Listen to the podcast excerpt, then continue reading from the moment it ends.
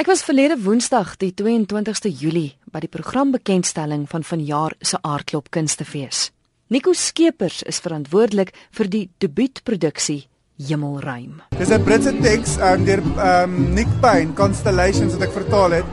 Dis 'n ongelooflike teks. Dit wys nou op West End en Broadway met met, met onder andere Jake Gyllenhaal en Sally Hawkins. Dis die ongelooflikste teks want dit is die eerste teks wat ek lees wat dit regkry om wetenskap heeltemal te marry met die romanse in die lewe. Dis 'n liefdesverhaal wat afspeel omtrent 72 verskillende heelalle. Maar jy weet presies wat aangaan. Dit is die mooiste, mooiste, hartverskeurende verhaal. Ons is so opgewonde en dankbaar vir die opportunity om te kan doen. Ja. Ek weet so rukkie terug was hy in Engels gewees in een van Johannesburg se teater. Ja, ek het die teks gelees laas jaar Januarie toe ek dit vertaal en dit sou vir KAKK hierdie jaar gewees het, maar dit het nou nie gebeur nie, maar toe eers na ek dit vertaal het, toe kom ek agter Ellen Swerdlow doen 'n version vir Monte Casino. Ja. En toe praat ek met Hugo en al die mense en toe sê ons net, "Okay, dis fine. Afrikaanse gehore, dis heeltemal 'n ander tipe gehoor en dis so mooi teks. Dit kan dit is soos enige ander klassieke teks. Dit moet in Afrikaans gesien word en is regtig pragtig." So, ek was vir so 'n oomblikie het ek um, slegte dinge begin dink en bietjie op en af gespring want ek het 3 weke spandeer om dit te vertaal. En toe sien ek hulle doen dit by Monte Casino en ek het gewik en weeg of ek dit moet gaan kyk en toe besluit ek op die einde nee, ek gaan dit nie kyk nie. Ek gaan dit van vars van net van die teks af die regie doen. Ehm um, en ja, dis 'n dis 'n ongelooflike ehm um, geleentheid vir my. Ek's nou so jare in die industrie en ek kan nie glo aardklop gee vir my die geleentheid nie. Ja, want jy was by ander groot produksies ook betrokke rondom skrik? Yes, ek het die ontwerp gedoen van rondom skrik en ek was die creator en choreographer en designer van Wentel met Anna-Mar van der Merwe wat laas jaar ook gewys het. En ek het ook die ontwerp gedoen vir vir ewig en altyd laas jaar met Marius en Sandra. En hier is nou die eerste is ook die eerste teks wat ek direk wat ek nie self geskryf het nie. So dis heeltemal 'n nuwe leerskool vir my. Maar ek stres verskriklik want ek skryf die teks en ek skryf die musiek en ek ontwerp die verhoog en alles en die akteurs moet my nou net hopelik vertrou en dan we doing this. Ja. En ek meen daar's 'n hoë standaard geskep in die vorige produksies waarby jy betrokke was. So jy uh, nou Ja nee, ons ons is verskriklik gestres want ons het ons het net 3 weke repetisie. Dis twee fantastiese akteurs met Tina Ree en Paul, die wat die lank ken hulle. Is twee fantastiese akteurs met wie ek werk, maar daar's byvoorbeeld een een een heelal waar hulle in vingertaal praat vir 2 en 'n half bladsye. En die gehoor weet presies wat gaan aan, maar die akteurs kan nie jok nie. So hulle moet hulle gaan met vingertaal leer, 2.5 bladsye se dialoog en dit met hulle emosies koppel en met deernis doen. So maar ons sien dit as 'n uitdaging en ons dis net vir ons belangrik dat die enigste baas in hierdie proses, soos met enige teatershow, is die storie. Daar's net een baas. Dis nie die regisseur of die akteurs of die vervaardiger nie, dis net die storie. En as die storie by die gehoor uitkom, het ons ons werk gedoen. So gesels Nico Skeepers oor die produksie Hemelruim.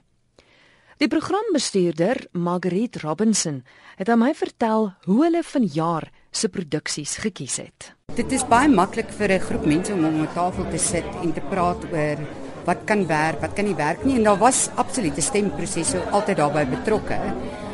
Maar dan loop jy die gevaar om bly nog in kontak met jou gehoor. En daar's toe nou 'n hele model saamgestel en ons het letterlik 'n steekproef gaan doen en ons het mense gaan kies want jy kry al hierdie nommers via CompuTicket en so en dan mense gekontak en vir hulle gesê en dan vat jy dit van hierdie ou sien jy woon die feesterrein gereeld by en hierdie mens kyk ernstige teater en hierdie een 'n klassieke mens en so. En uit daai steekproef uit het ons hulle gesê julle moet deelneem aan die stemproses. En dit was almal het lekker by hulle huise gesit en dan het jy gestem en volgens 'n skaal van 1 tot 10 en hulle het letterlik al die inligting gehad wat beskikbaar was in terme van die die aansoeke wat ons gekry het. En dan kan jy sê op skaal van 1 tot 10 en dan wat ons op die eind gedoen het is dan vat jy dat die kundiges want ons het kundiges wat ons van buite af intrek vir die verskillende genres. Hulle stem tel 60% en die gehoorlede as jy dit so wil noem se stem tel 40% en dit was baie interessant om te sien hoe naby sommige van die goeters is in terme van die kundiges en van gehoorlede. So wat tot 'n mate vir ons wys ons is tog steeds in voeling en dit is verblydend om dit te weet. En dan sal so hier en daar is daar iets wat uitspring en dan besef jy, okay. hiervan neem ons duidelik kennis. Kom ons kyk gou na vanjaar se fees. Hoogtepunte. Wat is dinge waarna luisteraars kan uitsien? Is daar nuwe dinge? Weet jy, dit is altyd soort van om in 'n hoek gedruk te word en sê, "Oké, okay, hierdie kind is my gunsteling kind" en so aan, maar op 'n manier eh, is dit 'n is dit iets wat mense moet kan antwoord. Ek dink wonderlik is van vanjaar se program is dat mense 'n uh, klassieke werk, want dit is klassieke werk, 70 jaar gelede geskryf en dit is in honderde tale oral in die wêreld opgevoer is Bertolt Brecht. Ehm um, se moeder moet en haar kinders. En dit het etlike pryse al gewen en dit is net een van daai ervarings wat jy besef jy jy beleef die hater aan die een kant, maar jy beleef ook dit waarmee ons daagliks te doen het. En dit is nie in die sin van o oh my aarde nie. Dit is in die sin van dit is soort van 'n bevestiging van die lewe en dit gee jou ek weet nie 'n gevoel van 'n betrokkenheid en dit maak mense kop oop. En dan in heel aan die ander kant het ons het ons twee kligte. Daai met die baie boeties, my boetie, se boetie, se boetie, se baba dink ek. Ek hoop ek nou al die boeties. Ek twee vir die prys van een. So intussen in die hele spektrum van waarna jy moontlik sal wil gaan kyk en ons het nuwe produksies en ons het produksies wat kom van ander feeste af wat baie hoog gereken word. So ek dink daai opsig in terme van toneel dink ek ons het hom reg. Hoop ek en dan moet die mense net kom kyk. In terme van musiek, is like ek's rasend opgewonde want dit is so jaar na jaar wat ons vir Dorika kontak en sê kan jy nie weer bietjie by die fees kom optree nie en vanjaar sê sy toe ja? En aanvanklik is dit so ja ek sê jy dit doen dat doen soort van gids en voor ons oë uitvee dis eers keer in 9 jaar wat sy by ons sal wees. Sê sy nee hierdie program kry nou lyf want sy vertel haar verhaal en haar verhaal van haar musiek en sy gaan haar om daarby in Pansaville tot hierde vandag toe. En ek dink wat wonderlik is van so iets is ek dink nie te geleentheid vir haar om weer so dan terug te gaan na waar sy vandaan gekom het. Alleen op die verhoog te staan saam met hierdie wonderlike musikante. En dit is Lorika gestroop in hart en siel. Dis wonderlik. En dan net ons hierdie wonderlike nuwe produksie um in die grond van die wind.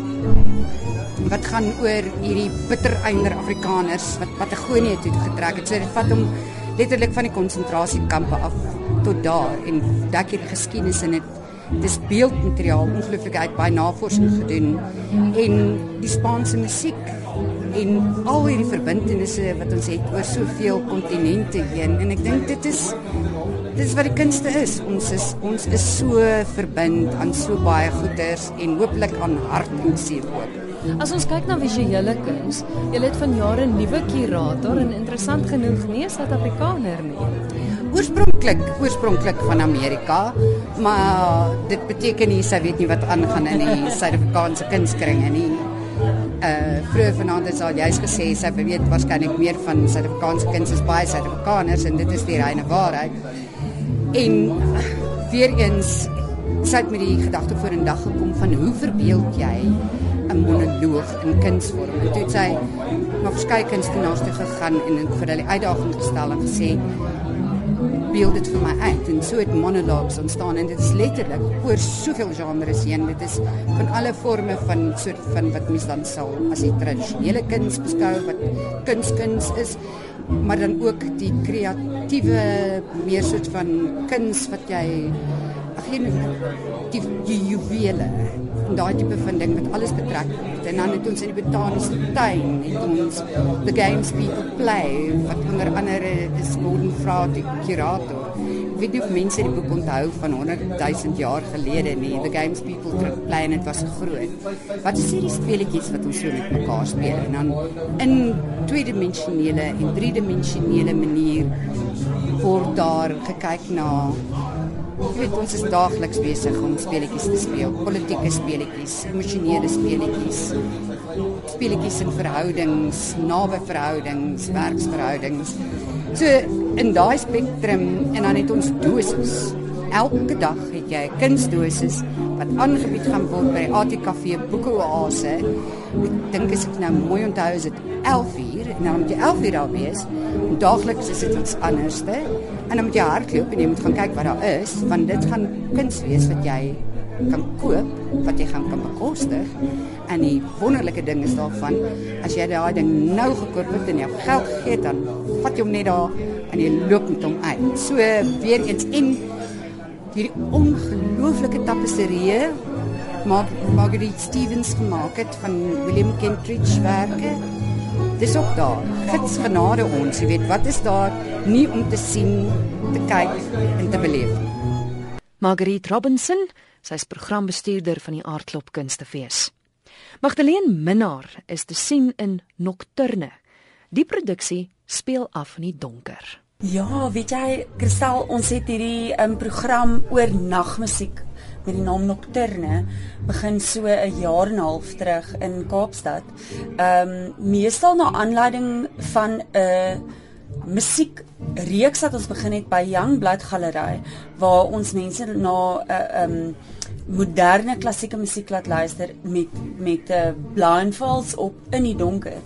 En toe het ek en José um, besluit dat ons hierdie program wil doen oor nagmusiek en enigiets met die aand en met die maan te doen en dit is regtig fabulous klassieke musiek baie eteries baie emosioneel baie ehm um, baie van dit is baie baie stadig en en soort van uh klankryk en kleurryk en ons het besluit dat ons hierdie spesifieke program graag in die donker sal wil laat geskied.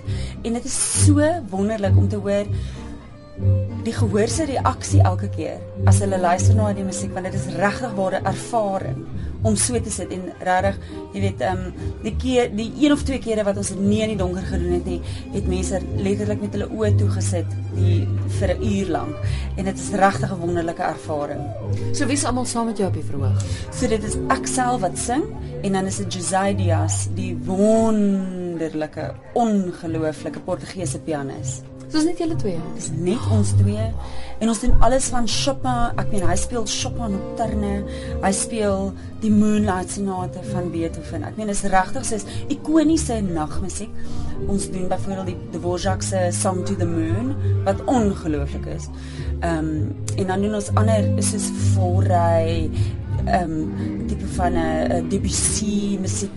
Jy weet regtig waar nagmusiek.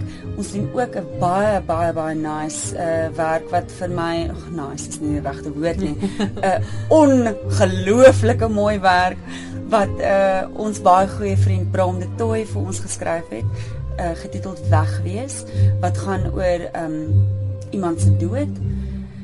En ja, ons het 'n bietjie Strauss en so aan, maar dit is regtig 'n program wat wat wat wat almal raak. Ehm um, mense wat nie dis tot klassieke musiek en ook mense wat wat lief is vir klassieke musiek.